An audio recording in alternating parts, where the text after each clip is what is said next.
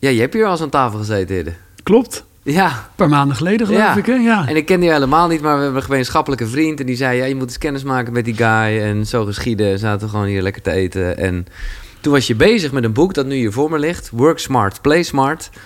En het is, eh, nou ja, ik mag je feliciteren. ja. Het is een hit. Ja. En dan heel erg, en, en zo'n gesprek gaat het niet worden, zeg ik gelijk even voor de mensen die afhaken. Maar het is vooral nummer één in de managementwereld, in de, de ja, je zou kunnen zeggen wat corporate zakelijke wereld. Eh, dit gaat veel verder dan dat, toch? Dit is voor ieder Ja. mens. Ja, dit is echt een, een, een blik op hoe je jezelf beter kan inrichten, hoe je meer voor elkaar kan krijgen. Maar het belangrijkste is ook dat je er meer plezier in hebt. Ja. En zeker nu de afgelopen tijd met corona zijn we vooral heel hard gaan werken. De vraag is alleen of we dat ook slim doen. Nee, precies. Eh, je hebt ergens de subtitel eh, niet harder werken, maar slimmer ontspannen. Ja, Ja. Dat is natuurlijk een goede, goede... Ja, dat je denkt, oh ja, dat is wat we willen. Eh, ik ga voor het eerst, denk ik, in mijn leven dit gesprek ook... Nou, niet zozeer zakelijk aanpakken, maar ik heb echt besloten om gewoon... De, de hoofdstukken aan te houden. Omdat dat een hele heldere opbouw is. En ik heb al vele gasten gehad, vele boeken gelezen. En ik heb een hoop informatie hierin teruggevonden. En ik dacht, oh ja, de manier waarop jij dit samen hebt gevoegd, eh, is gewoon eh, overzichtelijk. Dus ik probeer dat in dit gesprek ook te doen. En dan beginnen we met eh, hoofdstuk 1, en dus ook eigenlijk stap 1, de future state. ja. Wat is de future state? De future state in één zin is bepalen wat je wil bereiken en waarom dat belangrijk is. Ehm, en zo mooi, ik heb dat, en dat, daar begon eigenlijk ook weer dit, de origine van dit boek. Mhm. Dat ik echt weer aan de slag ging. Dat was in Ghana. Ik was uitgenodigd op een leiderschapsreis bij, door Allied Forces. En dat is een club ex-korps mariniers. En die echt, gebruiken eh, echt de, de... Nou, het zijn niet dus de hele Oh, grote. Nee, het zijn meer de slimme, Ja, ja, eh, de slimme jongens. Ja? En eh, Armand, inmiddels een vriend van me, en Marieke Polman en, en eh, Anton van den Berg, die hadden mij uitgenodigd om mee te gaan op een leiderschapsavontuur echt in de jungles van, eh, van Ghana. Daar eh, hebben we echt met rangers door, door het begroeide woud moesten we heen en met kapmessen. En nou ja, dan kom je op een gegeven moment op open plek en daar wordt dan je eh, hangmat moet je opzetten. Dat is best een uitdaging, nog hangmat opzetten. en je slaapt onder de sterrenhemel, je hoort alle beesten om je heen. En het is nou ja, een waanzinnige ervaring. En daar gingen we aan de hand van hun verhalen en eh, oefeningen die ze hadden telkens aan de slag met, met, met eh, ja, uitdagende situaties. Die je dan met je team, ik was er met vijf CEO's, senior managers, eh, moest oplossen.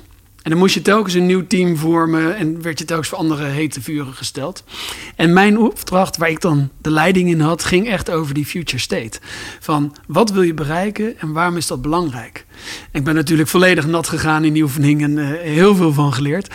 Maar daar dacht ik opeens van ja, op het moment dat je voor jezelf echt weet wat je wil bereiken en met name waarom dat belangrijk is, dan kun je daar veel makkelijker aan vasthouden. Ja, maar kijk, dat, je, dat, je, dat het belangrijk is om te weten... Nou ja, dat voel ik wel. En dat mag ook... eh, hè, ik, heb ooit eens een keer in, eh, een vergelijking gehoord met hoe piloten dat doen. Hè, ze weten waar ze naartoe gaan. Ja. En dus gaan ze een bepaalde koers. En, en daar zit natuurlijk wel een soort ruimte in. eh, maar hè, je hebt het einddoel in zicht. Maar om gelijk even, want dat, is, dat kan al heel moeilijk zijn. Hoe weet je wat je wil? Hoe weet je wat je, wat je wil bereiken? Ja, nee, je, je noemde net al iets van eh, mensen die zeggen: Ja, maar ik vind het wel best, ik wil gewoon gelukkig zijn. Ja, Nou, ik schrijf dat ook in mijn boek. Ergens geluk is het beste recept voor ongeluk. ja. Want wat is dan geluk? Als je dat zo wazig zeg maar, zou formuleren, dan weet je voor jezelf ook niet wanneer je daar bent. En geluk is, eh, happiness is echt iets dat, dat merk je in het moment. Ehm, is een emotie. ja. Maar net als alle emoties die komen en die gaan. En, die, en het ene moment ben je wel happy. En het andere moment om onverklaarbare redenen ben je gewoon geïrriteerd. Of Maar dat vind ik mooi dat je zegt. Dus je kan, eh, en dat geldt voor elke emotie, het even zijn. Maar eigenlijk blijft het nooit. Hoeft ook niet. Nee. Het varieert, ja, oké. Ja. Dus, dus oké, dus, dus, nee, maar dat is een goeie. Dus geluk aan zich is niet echt een future state. Nee. Maar wat is wel, ja, kijk, ik, en dat was ook waar bij mij even misging, zou ik eh, durven zeggen. Omdat ik, eerst was dat allemaal super duidelijk, namelijk radio. Gewoon heel erg daar iets bij doen was helemaal niet zo concreet hoor. Ik wilde gewoon iets aan dat medium toevoegen. Toen dat een paar jaar geleden even een beetje begon te wankelen, was dat ook lastig. Eh, en inmiddels is, is, nou ja, zou je kunnen zeggen, koekeroe mijn, mijn future state. Maar ik heb dat ook nog niet zo super helder. In ieder geval niet zo helder als ik destijds bij de radio had. Dus ik wil hier toch nog even op doorgaan. Wat, wat, hoe weet je dat voor jezelf bijvoorbeeld? Wat is jouw, wat is jouw future state? Nou, mijn future state Als je ik bent kijk, vader, dus dat is... Ben vader, ja, die, is, die is te eh, makkelijk. Nee, maar wel heel belangrijk hoor. Maar. Ja, nee, maar ik weet ook niet. Mijn future state als vader is, is gewoon dat ik eh, mijn zoon wil opgroeien en hem het beste wil geven. Ik heb dat niet gedefinieerd als dat hij naar een bepaalde school moet Nee. of dat hij eh, bepaalde dingen moet bereiken. Ehm, ik heb gedefinieerd dat dat voor hem is dat hij inderdaad gelukkig moet worden. Eh, alleen ik weet niet hoe geluk voor hem eruit gaat zien. En dat is ook helemaal prima. Ehm, ik weet ook niet of ik daar een future state specifiek aan zou moeten hangen. Ik kijk future state meer als een doel van waar wil je echt naartoe werken. Ehm, als ik kijk naar mijn bedrijf, eh, de Recharge Company, daar willen we het leven verbeteren van 1 miljoen mensen. En je Dat- gaat lekker, toch? Dat gaat de goede kant op. Ja. Ja, dat gaat de goede kant Ja. op. Ehm, maar dat geeft me een hele duidelijke richting. Dus ik wil het leven verbeteren van 1 miljoen mensen. Waarom is dat belangrijk? Om een verschil te kunnen maken. Om daadwerkelijk te kunnen zorgen dat we met z'n allen een stapje verder komen. Ehm, en dat is heel goed te meten. Want ik, ja, 1 miljoen is Ja. heel plastisch, veel heel eh, eh, concreet. Ehm, en verbeteren betekent dat mensen die met onze producten, of het nou het boek is, of het programma, Ja. of, of de coaching, in aanraking komen, die moeten het gevoel hebben van, hé, hey, dit heeft iets gedaan voor me. En dan kunnen we vragen van, joh, zou je dit aan een vriend of vriendin aan, eh, aanbevelen? Ja. En dan weten we of dat in de categorie eh, van, van verbeterd Ja. valt. En het is altijd lastig, hè? Want ja, wat voor jou verbetert, is voor een ander misschien weer niet. Maar het geeft voor mij in ieder geval een heel duidelijk doel welke kant ik op wil met mijn, met mijn bedrijf. Wel goed eh, dat je daar dus... Hoe, hoe is dat tot je gekomen? Dat je er echt inderdaad even een target aangehangen hebt. Want kijk, ik... Als ik bijvoorbeeld kijk aan Koekeroe... vind het heel mooi om mensen te inspireren... en het is vooral mijn ontdekkingstocht die ik deel. Maar ja, en dan kan ik wel zeggen... ja, ik wil dat het heel groot wordt. Maar dat is, dat is bijna te vaag als ik jou zo hoor. Nou ja, je moet ergens beginnen. Ja. Je hebt op een gegeven moment, was je bezig met de radio... en toen kwam je in dat, dat dal, Ja. hè, laat maar zo zeggen. ja. En toen ging je zoeken naar iets waar je dan, waar je dan verder in wil. Eh, en dan kom je iets op je pad en dan ga je je gevoel volgen. En op het moment dat je daarmee aan de slag gaat, dan, dan krijg je een mooi platform en je komt een heel eind. Alleen op een gegeven moment wil je voor jezelf wel een doel hebben waar je dan naartoe Mhm. wil gaan werken. Want anders dan blijft het eh, vaag. Dan weet je ook niet op een gegeven moment of je moet springen Nee. of bukken. Nee. Dus het, het idee is echt om gewoon voor jezelf heel helder te hebben waar je naartoe wil. En ook de keuzes kan maken. Want als je kijkt naar de maatschappij waarin we leven, je kan elk moment alle kanten op. Ja. En het gaat ook elk moment alle kanten op. En als jij niet voor jezelf weet welke richting jij op wil, ja, dan kun je alle kanten meewaaien. En als je geen doel hebt, dan is dat ook prima. Nou ja, Alleen, nee, dat is gewoon wel lekker. Ik bedoel, geen doel is niet prima, zou ik zeggen. nee, bedoel. nee. Maar als je dus geen doel hebt, dan kun je dus al die kanten heen kun je gaan exploreren waar dan voor jou datgene ligt. Ja, oh, zo bedoel ja. Maar- Maar, en maar is dat dan gewoon een kwestie van in een hutje op de hei heel veel dingen opschrijven en daar uiteindelijk een doel uit destilleren? Soms. Ja. soms. Ehm, ik denk, voor mij werd bijvoorbeeld het boek... Ik had dit ooit, ge- was ik mee begonnen met een, eh, met een eh, ghostwriter. En die had het, mijn, mijn ideeën en alles eh, uitgewerkt en, en, en opgeschreven. En ik las het en ik dacht, ja, dat is een leuk boek. Maar niet mijn boek. Nee. En, ik, en toen dacht ik, oh, maar als ik dit allemaal zelf moet gaan uitwerken en, en opnieuw moet gaan schrijven, dat, dat, dat gaat een eeuwigheid duren. Toen heb ik dat laten liggen en toen was ik in Ghana en toen had ik inderdaad bedacht, ja, ik moet dit gaan schrijven. Ja. En toen werd mijn future state ook, ik wil dat boek uitbrengen. Ja. Ehm, en waarom is dat belangrijk? Simpelweg omdat dit mijn kennis is. Dit brengt alles samen wat ik in die afgelopen tien jaar heb gedaan. En het is een soort van ego-dingetje, eh eh eerpronkstuk, Ja. zeg maar. Maar wel, het legt vast wat er allemaal in die afgelopen tijd... wat, me wat, eh, eh, wat ik tegen ben gekomen qua ontwikkeling... eh, qua zelfreis, waar ik zelf tegenaan ben gelopen. Maar ook, weet je wel... wat, hoe kun je het op een manier delen met mensen? Want alles is al geschreven. Ik heb jouw boek gelezen, ik heb een heleboel podcasts gezien. Ja, dus er is heel veel gemeenschappelijke Ja. kennis. Alleen het gaat erom hoe breng je het over en resoneert het bij iemand. En dat was gewoon mijn, mijn waarom. Ik wil het op mijn manier schrijven en dus kijken of we hiermee mensen inderdaad kunnen helpen eh, in hun leven en verbeteren. Oké, de future state is duidelijk. Eh, dan gaan we naar eh, stap 2 of hoofdstuk 2 of whatever. Mindset. En, Ja. en dat is iets, het is bijna, nou een holle term wil ik niet zeggen, maar het, is, het wordt veel gebruikt. Het is ook, het is ook ja, heel erg hoe ga je om met het leven. Ehm, en jij legt ook weer eventjes, eh, ja, ik, ik waardeer echt je boeken, eh, heel kort uit waarom ons brein je mind, in de basis gewoon fucked up is, zou ik bij- bijna willen zeggen. Of in ieder geval, nou ja, laat ik het even gewoon doornemen. Je brein is lui, focust op negativiteit. En ehm, toch, dat zeg ik Ja. niet te kort door de bocht. Nou ja, er zijn ook mensen die willen zeggen... ja, je brein is efficiënt, Ja, want het ja, verspilt precies. minder eh, eh, energie. Ehm, ik zeg hem lui, omdat het je namelijk duidelijker maakt... waarom we even in de valkuilen stappen.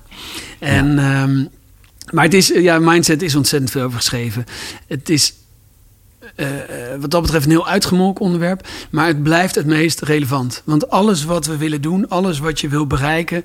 ehm, en of je nou gelukkig wil zijn of je hebt een, een heel specifieke future state. Maar het heeft allemaal te maken met je mindset. Ja, En het mooiste voorbeeld eh, blijf ik vinden toen ik op een gegeven moment mijn vorige bedrijf in 2010. Dat, dat ging finaal naar de knoppen door de, door de crisis toen. ja. En ik zat letterlijk bij een vriend van mij op de bank. Het was aan het einde van het, eh, van het, eh, het afsluitende periode, zeg maar. De relatie met mijn vriendin was over. Eh, en ik had geen appartement meer, want we woonden bij haar samen. Ik zat vol in de stress, tegen een burn-out aan. Ik had geen bedrijf meer, geen inkomen. En het enige wat ik kon denken is, ik moet al die dingen weer. Ik moet weer een bedrijf, ik moet een inkomen, ik moet een eigen appartement, ik moet Ja. een vriendin. Dat was dan de minst belangrijke, Ja. maar ik moest heel veel. ja. En die spanning die me op en die druk. En, die, en op een gegeven moment belt een vriend van mij en die zit in een burn-out. En wat dat deed op dat moment, die stress die ik ervo- ervoer daarvoor. En hem horen en langzaam beginnen te praten, in herhaling te vallen en te huilen tijdens dat gesprek. Het wat ik kon denken, wow, dit niet. Nee.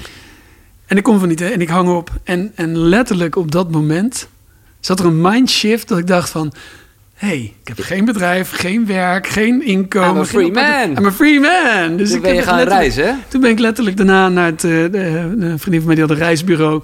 Die heb ik gebeld van... joh, ik moet een, eh, zo'n around the world ticket eh, hebben. En, eh, en toen ben ik op wereldreis gaan. Ja. Ja, dat was letterlijk mijn eh, wake-up call eh, slash saved by the bell. Maar hoe, want dit is een, een heel mooi voorbeeld. Maar in, in general, hoe zou je eh, stress, want daar hebben we het dan een beetje over, hoe kan je dat naar je hand zetten? Nou, ook dat is weer een mindset. Je, op het moment, het is wel mooi. Sommige mensen kunnen heel goed met deadlines werken. Sterker nog, die werken niet als er geen deadline Ik is. eh, ken dat heel erg hoor. En eh, ehm, andere mensen die worden er heel nerveus van. En het gaat erom hoe jij tegenover die stress staat om te zien of dat dus inderdaad ook nee, daaraan merk je wat Ja, dat dat doet voor per mens, dat verschilt maar, per maar mens. gebruik het. Het verschilt per mens, maar de kennis van hoe dat systeem werkt, die zorgt ervoor dat je daar wel of niet je vruchten van plukt. Want in feite wat er gebeurt is, je krijgt een fight-or-flight respons. Nou, daar hebben we allemaal over gehoord. Mhm. En dat is vaak ook het lastige. We kennen de term, maar we realiseren eigenlijk niet precies wat het is. Ik deed vroeger altijd bij presentaties. Dan zei ik, jongens, ga even allemaal staan. We gaan even een wetenschappelijk onderzoek doen. Eh, ik tel tot drie, doen jullie een tijger na. En dan 1, 2, 3 vragen. Nee, oké, bam. En dan stonden mensen een beetje zo, nou, nou, deze nog een keer. De grap is dat Ondanks dat het een beetje onbenullig is. Maar er gebeurt wat in je lichaam. Je spieren spannen een beetje aan. Je maag krimpt een beetje samen. Je voelt adrenaline eh, door je lichaam gieren. Eh, en je hebt een beetje een glimlach. Omdat het een beetje een idiote oefening is. Ja. Nou, ik heb het ook wel eens bij, de, bij Defensie gedaan. En dan zaten van die grote gasten. Ik doe helemaal geen tijger na. En het mooie is, daar was het fight-or-flight mechanisme ook al ingegaan. Want die gingen vol in de fight. Ja, precies. En wat er dan gebeurt, is dat er gebeurt van alles in je lichaam. Ook in je hoofd, in je, in je mind. En dat kost heel veel energie. En we zijn dus continu aan het vechten met onszelf op die manier. En op moment... Maar je moet dit wel, het is wel goed dat je het zegt, maar je moet dit wel voelen. En dat is, nou ja, dat is waar ik heel vaak ook van zeg, ik wil vooral beter worden in voelen, niet zozeer me beter voelen. Ja, Want jij kan het wel zeggen, eh, van je maag krimpt in en dit en dat. Maar, eh, en, en, en tenminste, ik, ik ben daar in training en ik ben daar beter in aan het worden. Maar ik denk dat heel veel mensen eh, dat hele fight-flight helemaal niet voelen. hoor. Nee, nee, nee, dat klopt. En dat was ook het grappige op het moment dat we dan dat deden. Dan zei ik, jongens, ja, het is natuurlijk een beetje onbenullige oefening. Maar voel nou even aan jezelf wat er is gebeurd. Ja. En dan waren er altijd mensen, en die staken heel bij de hand hun hand op. En die zeiden dan, nou, ik voel niks. Nee. En vroeger stelde ik ook, wat voel je? En dan, dan zei nou, daar ben ik mee gestopt. Want je weet, die mensen die als eerste hun hand opsteken, die niks voelen, zitten het dichtste richting een burn-out. Want die zijn zo onbewust. dus ik ben gestopt met dat vragen. Maar het, het voelen, het, je lichaam is één grote sensorpack. Dus die geeft continu aan. En die geeft je continu feedback van waar je staat. En ehm, het moment dat je daar goed naar kan luisteren, dan kun je ook veel betere uh, keuzes maken, veel betere beslissingen maken. Maar dat moet je continu oefenen. En daar moet je continu bewust van zijn en, en naar jezelf luisteren. En dat is ook de reden waarom ik zeg: recharge, pak je moment. Is omdat als wij maar doorrazen en razen, dan gaan we niet meer voelen. Dan gaan we niet meer luisteren. Nee, precies. precies wat jij omschrijft met het hele stuk van radio. Je, je, hè, als je op een gegeven moment omschrijft, uh, living the dream. Uh, maar wat was de dream op een gegeven moment nog? Want je was alleen maar bezig bezig. En dan verlies je het uh, grotere plaatje. Daar zijn die rustmomenten inderdaad belangrijk in. Ja. Ik wil nog even, die ken ik niet, voor de mensen die met beeld kijken zal ik even jouw mooie plaatje laten zien over, uh, over de driehoek.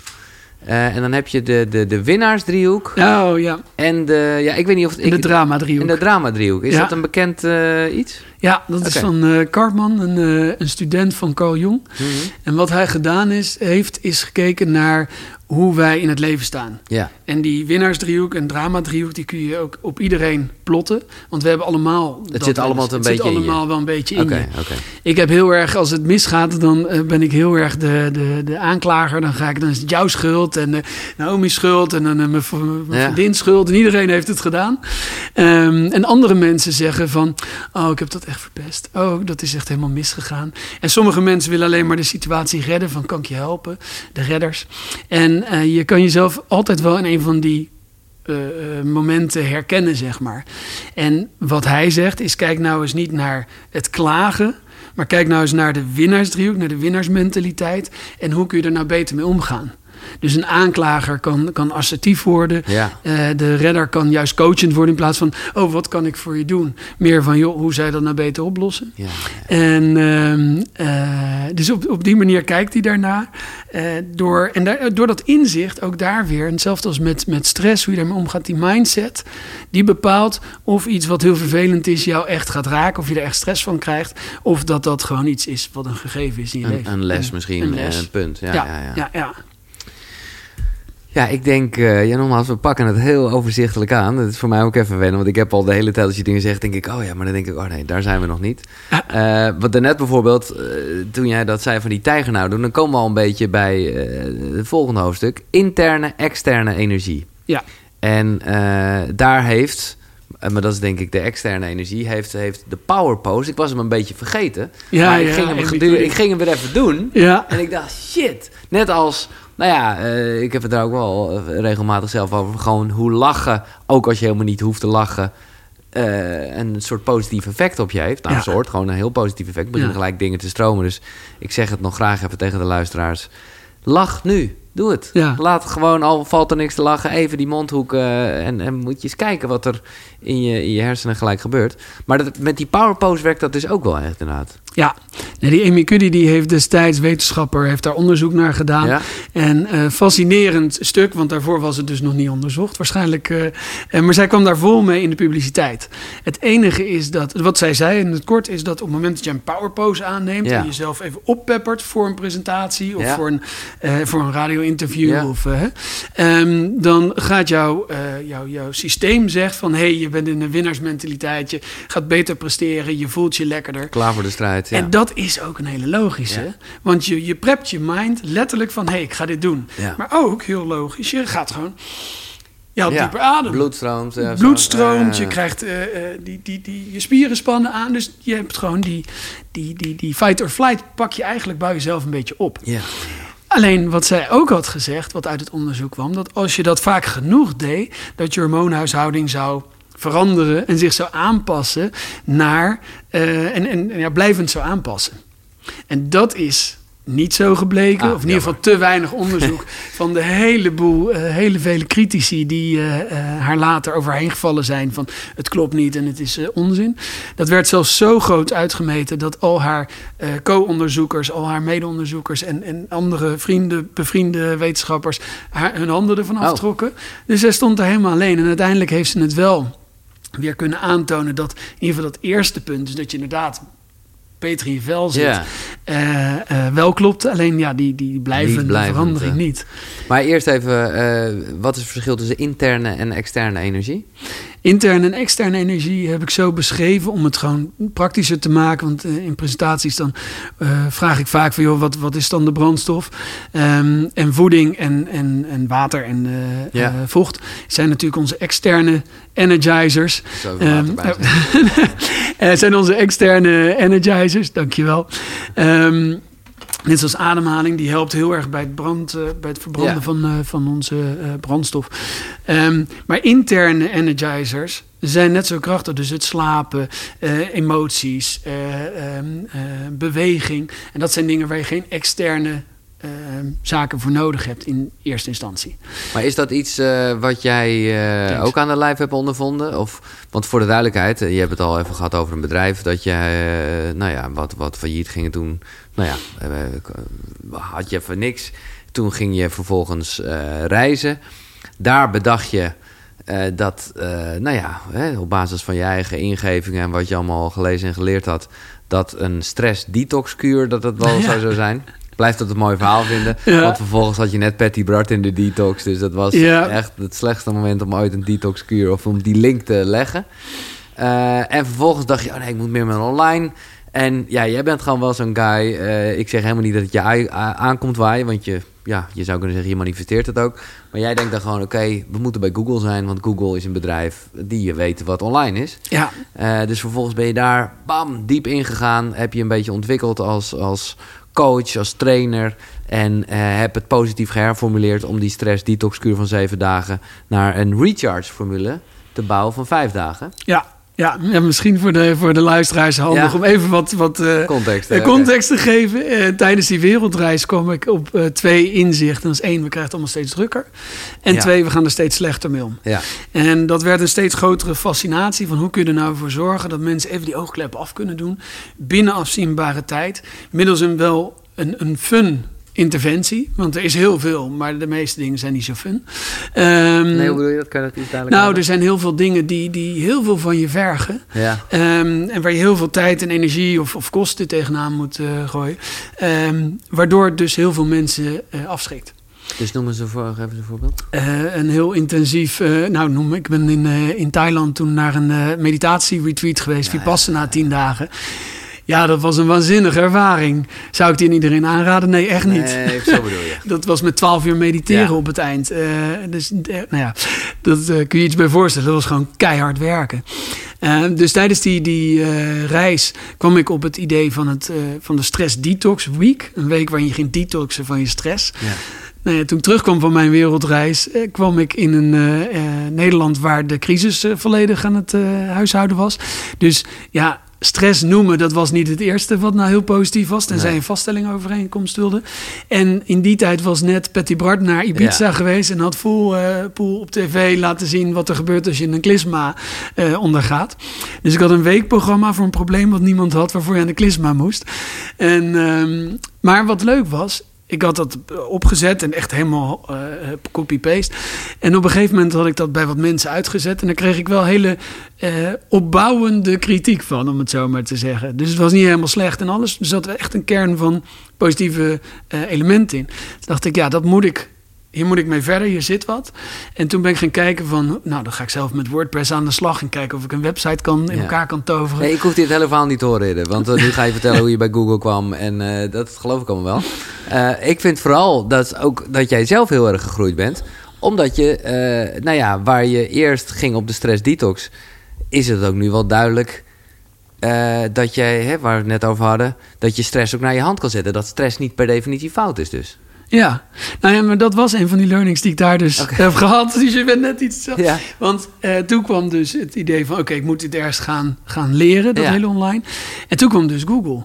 En nou ja, je weet de verhalen over hoe moeilijk het is om daar naar binnen te komen. Dus ik had al stress voordat ik überhaupt de eerste mail had gestuurd. En je zei, alles komt naar de hand. Maar ik heb toen een heel plan gemaakt eigenlijk. Hè. Als je het hebt over Future van ik wil daar... dat is mijn doel. Waarom is dat belangrijk? Omdat ik dan kan leren hoe Recharge schaalbaar kan maken. En dat heeft me een heleboel slapeloze nachten om AdWords te leren en dat soort zaken. Mhm. En hele eh, uitdraaien en dingen voor, voor die interviews. En ik heel veel stress van. Maar ik wist dat die stress me ging helpen Precies. om daar rustig over te worden. Dus daar was op een gegeven moment weer zo'n learning dat ik dacht van ja, dit is iets, op die manier kun je stress dus eigenlijk naar je hand zetten. En dat is het moment geweest ook dat ik dacht van ja, wacht even. En dat, dat, eh, dat afsluitende jaar met, met eh, de, dat vorige bedrijf, daar zaten ook een paar keer, als ik op terugdacht, een paar doelstellingen in die ik moest halen. Om dus inderdaad zo'n faillissement te voorkomen, om break-even te kunnen afsluiten. En telkens dat, dat werken naar zo'n goal toe, dat halen, dat was eigenlijk de grootste beloning. Ja. Niet zozeer, ja, natuurlijk is het dan waanzinnig om dan bij Google binnen, maar dat, dat traject er naartoe, dat is, eh, ja, Maar wat ik wilde zeggen eigenlijk, van maar toen dacht ik, het is wel even belangrijk dat mensen weten wie je bent en waar je vandaan komt. Dat je zal in die tijd, eh, toen je gewoon zo aan het knallen was, eh, en dat, bedoel, dat doe je nog steeds, maar zeker gewoon in de hele Google-tijd. Ja, de slaap. Sliep jij genoeg? Ja, nee. Practice what you preach. Maar dat is nu ook. Mensen vragen dan van ja, maar hoe doe je dat dan? Want je bent naar de boek aan het uitgeven in die bedrijven. Ja, ja, ja. En eh, nee, dan slaap je wel eens te kort. En ook ik merk dan eh, dat je geïrriteerder wordt en eh, foutjes maakt. En eh, met je team wat minder goed communicatief bent. En we hadden op een gegeven moment ook een, een, een, iemand tekort in het team. Ja. Die viel weg. Ja, nou ja, ga dan maar al die gaten vullen Ja, en, doen. En alleen voor jezelf beseffen dat dat een tijdelijke periode is. Als je dat beseft en je weet dat je daarna, en je zorgt dan ook dat je daarna wel weer een moment voor jezelf neemt. Even een recharge momentje. Even een recharge moment. Wat voor mij heel goed werkt bijvoorbeeld, is dan ga ik drie uur wandelen door het bos. Ja. Of door de, door, over de hei of eh, eh, door de duinen. Telefoon uit en gewoon echt drie uur lang gewoon. Maar, eh, want dat is logisch, maar ook in, jou, in dit stuk over interne energie, dat vond ik wel goed dat jij ook zoiets hebt van in een uur. Eh, eigenlijk zouden wij sowieso eh, straks naar buiten moeten. Dus gewoon van, eh ga op zijn minst even naar buiten. Ja, ja. Nou, het is grappig. We hebben net een challenge gedaan. Want ik zeg altijd tegen mijn team van... jongens, ga deze meeting niet achter dat Zoom-scherm. Ga naar buiten. Ik bedoel, Ja. We kennen elkaar al. Ja. Ja, nee, nee. Dus ik had vorige week een challenge gedaan van... we gaan allemaal in de komende zes dagen 50.000 stappen minimaal zetten. En vanochtend hadden we dus de, de, de, Ja, nou, bijna allemaal gered. En iedereen was er enthousiast over. Ja. En iedereen had ook zoiets van... ja, ik moest toen eh, een interview doen... maar we zijn toch maar naar buiten gegaan om even te lopen. Ja. Of na het eten zijn nog een rondje gaan lopen. En dat soort momentjes voor jezelf inbouwen... scheelt gewoon de wereld. En als wij eh, eh, drie uur zouden zitten... dan betekent dat eigenlijk dus dat je daarna een half uur... in ieder geval naar buiten gaat Ja. om tot rust te komen, zeg maar. Eh, tot zover even interne, externe energie. Dan komen we bij van focus naar flow. Ja, En eh, nou ja, hierin eh, quote jij ook, ik zou bijna zeggen, de, de, de meester die hier ook te gast is geweest. Mark. eh, Mark Tichelaar. Ja. Ja. heel erg over eh, nou ja, multitasken of switchtasken. Nou ja, wat wij niet kunnen. We kunnen niet switchtasken. Multitasken zegt hij van, dat kan wel. Je kan wel muziek luisteren. En ik zit hier ook ondertussen te krabbelen terwijl ik met jou praat. Sterker nog, daardoor heb ik dit Ja. gesprek beter. Maar misschien kan je even uitleggen, maximizer en satisfier. Ja, je hebt eh, de, de, de, de theorie van de maximizers en de, de satisfiers, waarbij de maximizers, en misschien herken je dit wel, die zoeken altijd de beste oplossing. De beste parkeerplaats zo dicht mogelijk bij je afspraak. Ehm, de, de beste keuze om het allemaal maar perfect te krijgen. Eigenlijk is dat heel vermoeiend. Want je bent vaak heel druk bezig met dat kleine laatste beetje, hè, die 80-20-80 Ja, eh, regel. Ehm, terwijl als je kijkt naar de satisfiers, die kijken gewoon wat is voor mij de beste oplossing op dit moment. En die ziet ergens een parkeerplaats, die parkeert die auto en die gaat lopen. Die eh, eh, neemt genoegen met die 80% in plaats van die laatste 20%. En een satisfier eh, heeft volgens de theorie eh, een, een stuk minder zorg en minder stress, omdat het allemaal niet perfect hoeft. Maar wel goed genoeg. Ja. Maar ik weet toch niet of ik het zou willen zijn, hoor. Want jij bent maximizer. Ja, Zou je jezelf wel in... eh, Dat durf ik wel te zeggen. Ja, Ik ben het, was het ook. En ik heb gemerkt dat af en toe, en zeker bijvoorbeeld als je in je eentje werkt en dan naar een team gaat, dan doen mensen op een andere manier dan jij. En dat heeft me echt, echt moeite gekost. En ik heb gelukkig een heel gaaf team met hele goede mensen. Dus dan gebeurt er ook heel veel goed. En af en toe moet ik me nog steeds zo op mijn vingers bijten. En denk ik, ah, dat zou ik echt zo anders doen. ja, ja. Ehm, en heel grappig, vaak merk ik dan ook van dit was ook helemaal zo niet beter dan wat ik had gedaan. Dus door mensen in hun kracht te laten en ook door eh er vrede mee te hebben dat het niet altijd, geef je namelijk aan de andere kant ook veel rust en ruimte. Mhm. Nee, tuurlijk. Maar nou ja, het is ook, het is ook misschien helemaal niet zo zwart-wit. Maar kijk, je kan ook gewoon tevreden zijn met het feit dat je weet dat je de hele tijd wil maximizen. En, en dus, weet je, laten we gewoon even dat simpele voorbeeld van het parkeerplekje. Ik ben inderdaad echt zo'n nerd. Ik wil zo dicht mogelijk bij staan. En ergens levert dat een gedoetje op. En dat je ook kan denken, gast, had hem al lang neergezet. Maar ik weet van mezelf, ik bedoel, ik ben er niet super aan relaxed over. Ik weet, ik ben, ik ben tevreden met, met de stress, zou je kunnen zeggen, die dat oproept. roept. Ja, nou, nu hebben we het over één ding. Maar als je dat dus Ja. continu Ja, hebt met alles in eh, wat er om je heen gebeurt, dan, eh, dan kan dat voor sommige mensen, ook hier zit wel weer een verschil in, in eh, hoe mensen op dingen reageren.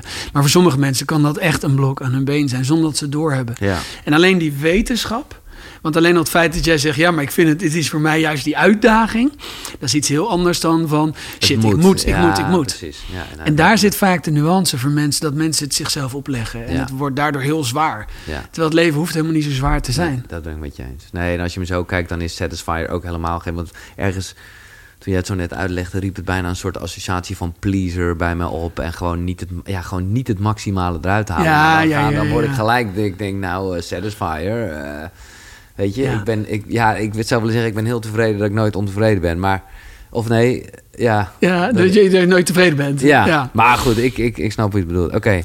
En hierin, eh, nou ja, we gaan natuurlijk straks uitgebreid nog over echt, nou ja, ja, ja, jouw kernboodschap zou je kunnen zeggen, het recharge hebben. Maar ik vond dat jij een mooie tip eh, had over het maken van keuzes. Daar ben ik namelijk ook nog wel iemand die een beetje te veel verzandt in alles. Weet je wel, zeker met online. Weet je, uren kan je daarmee bezig zijn. En jij hebt eigenlijk een soort drie stappenplan. En dat is, eh, nou ja, ik vond voor iedereen eh, wel even goud om die eruit te lichten. Hoe, wat moet je doen als je een keuze moet maken? Dat was die van Op Dijksterhuis, die ik daar Oh ja, eh, van het onbewuste brein. Wat hij heel duidelijk zegt, en dat is sowieso wel eerst bewust worden van, van alle keuzes die er zijn, die allemaal bij elkaar brengen. Dus wel een beetje inlezen ook. Inlezen, Ja. gewoon je huiswerk doen. Ja. Ehm, als je nou echt een groot eh, iets hebt, probeer dat ook 's ochtends te doen met je beste energie. Sommige mensen hebben dat 's middags, maar Ja. probeer met je beste energie zoveel mogelijk informatie te vergaren. Daar een overzicht van te maken van wat zou dan eh, reëel de beste keuze zijn. En er dan over te slapen. Precies. Dan gewoon het weg te leggen en het te laten inzinken. Want wat wij niet realiseren vaak is dat wij doen alles vanuit onze neocortex. Ik noem dat ons professorbrein. Ja, Dat is ons nieuwste stukje brein. Dat differentieert ons van de beesten, van de dieren. En daar zit een bepaalde eh, eh, hoeveelheid kennis en, en ruimte in om dingen te verwerken. Onze monkey mind, ons oerbrein, reptiele brein en, en eh, limbisch brein, dat is al veel ouder. Dat is ons onderbewuste. Ehm, en daar kunnen wij 200.000 keer zoveel dingen opslaan. precies. En wat wij doen, is we proberen alles eh, in, ons, in onze professor te verwerken. Terwijl je met die monkey mind, daar zit veel meer informatie. En ik zie dat zelf altijd als ik met eh, creatieve mensen aan tafel ben. Dan, eh, nou, volgens mij hadden we het vorige keer ook. En dan, zit, en kunnen we dit en dan gaan we daarheen. En dan heb je allemaal ideeën. Ja. En dat is altijd voor mij, op het moment dat ik dan naar de wc ga, dan heb ik zo'n moment rust. En dan zinken al die dingetjes in een juiste format. En dan kom je terug en zeg jongens, we gaan het zo, zo, Ja. zo doen. Dus die rust pakken voor jezelf voordat je daadwerkelijk een keuze maakt. Omdat heel vaak er dan nog dingen omhoog komen uit je monkey mind. Dat je denkt van shit, daar hadden we nog Ja. rekening mee moeten houden. Maar dus kan letterlijk dat nachtje slapen echt wel even goed zijn. En Ja. daarna gewoon ook een beetje, ja, hoe makkelijk het ook klinkt, maar gewoon je gevoel Ja, laten spreken. eigenlijk de onderbouwing van dat onderbuikgevoel. Dus trust your inner gut. eh, eh, Ja. Echt dat laten bezinken in alle kennis die je boven je hoofd toch al hebt. Maar die we vaak niet gebruiken. Dan komen we, en ik heb het hier ook wel met Mark over gehad in het kader van Focus Flow. eh, eh, omdat, hoe heet zijn boek nou weer? Eh, focus aan, focus uit. Ja. Dus, dus dat uit is eigenlijk een beetje naar het volgende hoofdstuk waar we naartoe gaan. Ja. Het rechargen. Maar dat is, ja, het klinkt logisch, maar ja, hoe doe je niks? Ja.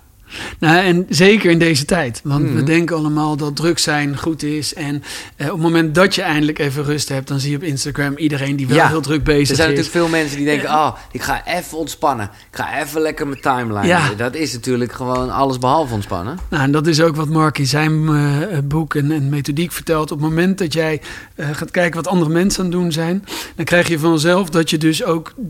Dan moet ik dat Ja. ook weer doen. En, ehm, echt ontspannen doe je door, door iets te doen waar je A. Het gevoel hebt dat je daar iets mee kan bereiken, een soort van impact voor jezelf hebt. Dat je je werk los kan laten. Ehm, dat je eventjes niet alle afleidingen hebt die je normaal hebt. En op het moment dat je dat voor elkaar krijgt, dan zul je ook merken dat je veel sneller recharge, veel sneller weer eh, Mhm. eh, ontspant dan als je gaat lopen en zit te piekeren.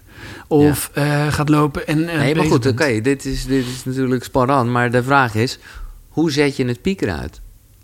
Ja, en één tip is, eh, is dingen die je hebt opschrijven, zodat je het weg kan leggen. Ja.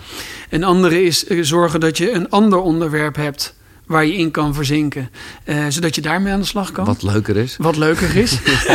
Ehm, eh, ja, als het even kan wel. Ehm, eh, mindfulness of meditatie. Ja.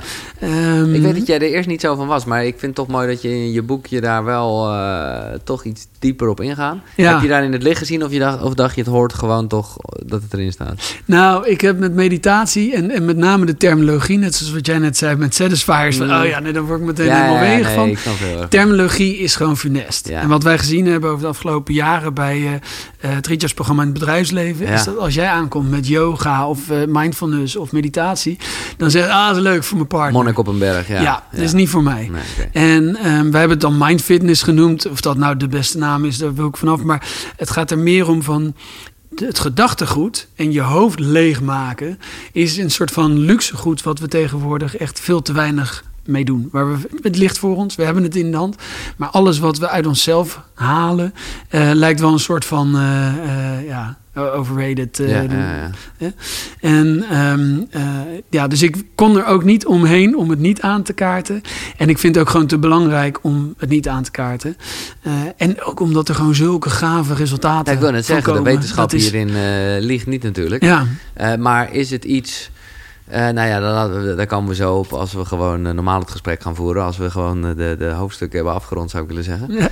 Maar ik ben, ja, ik ben wel benieuwd of jij het doet. ja eh, veel te weinig, eh, realiseer ik me. Maar ook dat, ik ben ook maar mens. Ja. Ehm, eh, maar ik merk dat als ik het heel druk heb, een oud uh, Japans gezegde, als je gewoon mediteert, doe je 20 minuten per dag. Als je het heel druk hebt, doe je het een uur. Ja, precies. Ja. Dus ik zou blij zijn als die 20 minuten per dag zou redden. Maar, Maar ik ben het helemaal met je... sorry? Nee, maak je nou ja, nee, meer. Dus, dus ik doe het als ik weet dat ik, dat ik echt veel aan mijn hoofd heb. En dat ik op dat, dat randje zit, zeg maar. Ja. Dan doe ik het echt omdat ik weet dat ik er gewoon relaxed daarvan word. Maar mijn voorkeur gaat dus, want ik ben dan iets, net zoals ik kan gewoon niet zo goed stilzitten. Um, dan ga ik liever door de duinen lopen Ja, en dan tuurlijk. een uur. Of uh, ja, wij zitten dicht bij Scheveningen, dus dat is echt een zegen. Ja. Um, dat, dat werkt voor het. mij het beste. En dat ben ik dus helemaal met je eens. En wat ik deel heel erg je mening. eh, tenminste, inmiddels ben ik gewoon relaxed over het mediteren. Maar ik heb- ben ook nog heel vaak het bewust ademhalen aan het noemen. Of wat dan ook. Omdat in die end maakt het niet zo groot. We kennen allemaal dat je even... ah, even Ja. zucht. Even... eh, Nou ja, dat, dat eh, ergens in de verte is, is dat het al. Maar hoe...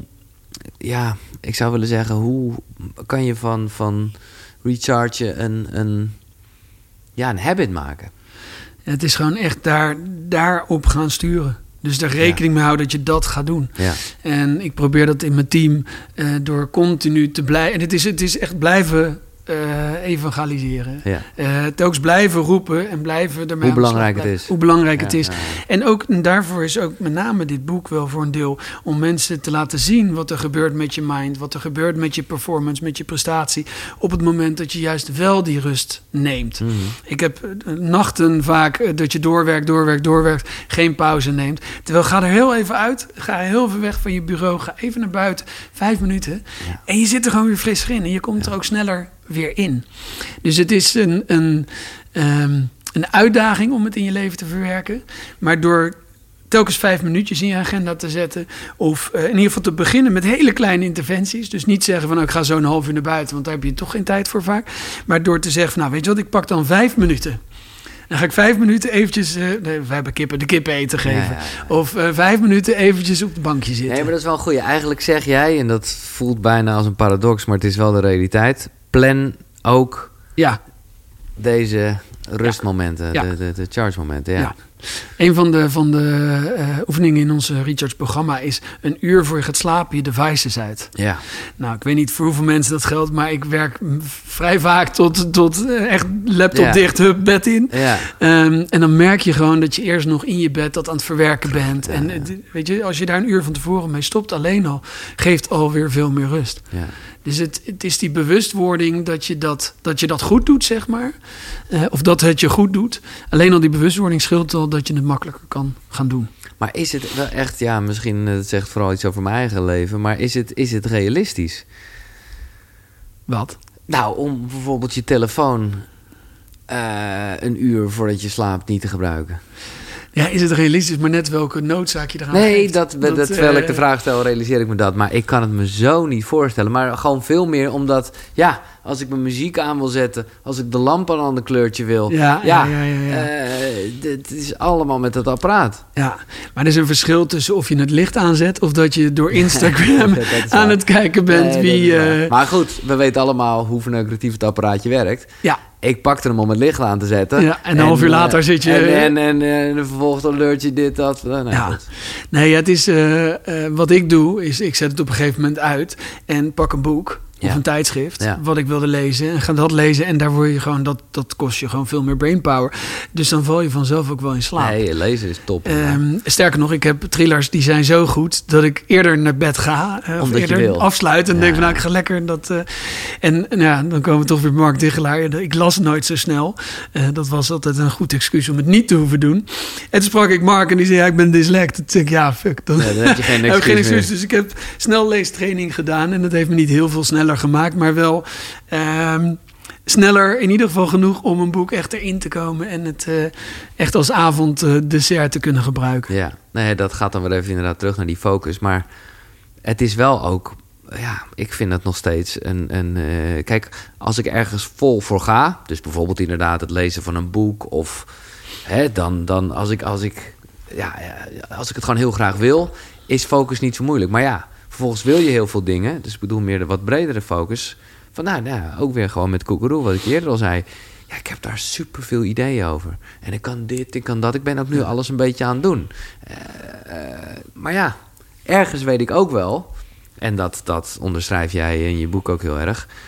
Ja, dat focus, dat zorgt er gewoon voor dat iets, ja, eh, maar ja, kill your darlings. Ja, het zijn allemaal darlings, weet je. Ja.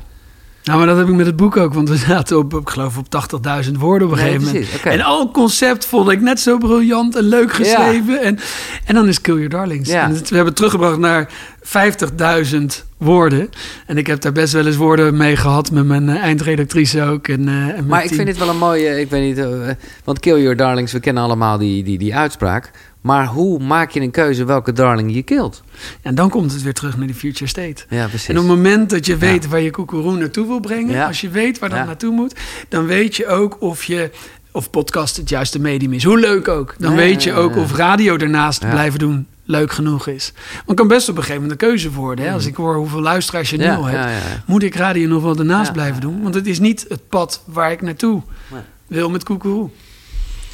Duidelijk, helder. We zijn bijna rond en dan voel ik mezelf ook wat vrijer om dit gesprek voor te zetten. Eh, maar eh, hoofdstuk 6, eh, na het rechargen, wat dus echt de basis is. Hè, dat zei Ja. ik eerder al, niet harder werken, maar slimmer ontspannen. Nou, daar hebben we het net over gehad.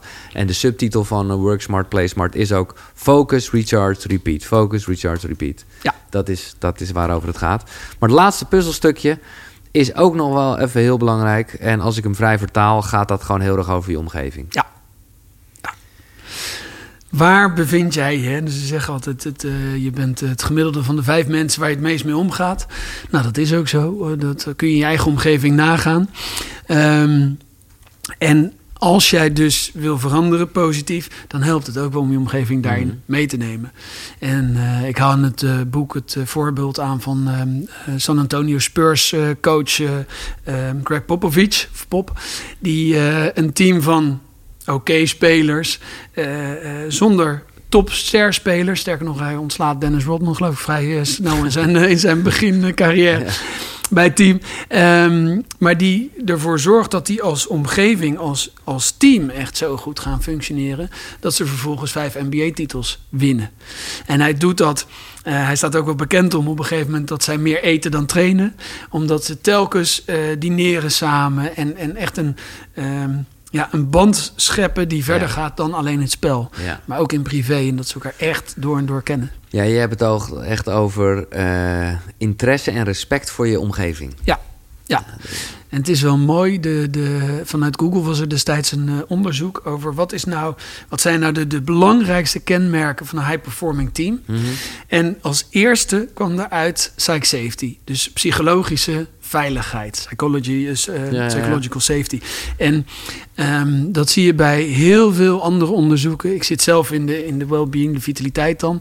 Um, als je daar kijkt wat we bij bedrijven doen, dan heeft dat heel vaak, als er slechte vitaliteit is en slechte, begint dat bij het stuk vertrouwen. Vertrouwen in Naar het team. elkaar, ja. Naar elkaar. Want als dat er niet is, dan kun je nog zoveel fruitschalen neerzetten of sporttrainers of wat voor initiatieven. Maar als jij geen goede relatie hebt met jouw directe, nou dan interesseert de rest ook niet. Maar het is wel uh, moeilijk om daarnaar te kijken. Ik, uh, ik, sprak recent een vriendin die dus echt, en ik vond, uh, dus vond dat zo goed, echt gewoon afscheid nam van een vriendin. En gewoon ja. een appje stuurde met, ja, ik weet niet, ze was uitgenodigd voor een verjaardag, weet ik wat. maar ze voelde gewoon, ik ga er niet meer naartoe, weet je wel. Dit is gewoon, ja. dit is, ik heb je al heel lang niet gezien, en waarom zou ik dat nog doen? Maar ja, ik, ik dacht, wow, je moet het wel durven. Ja.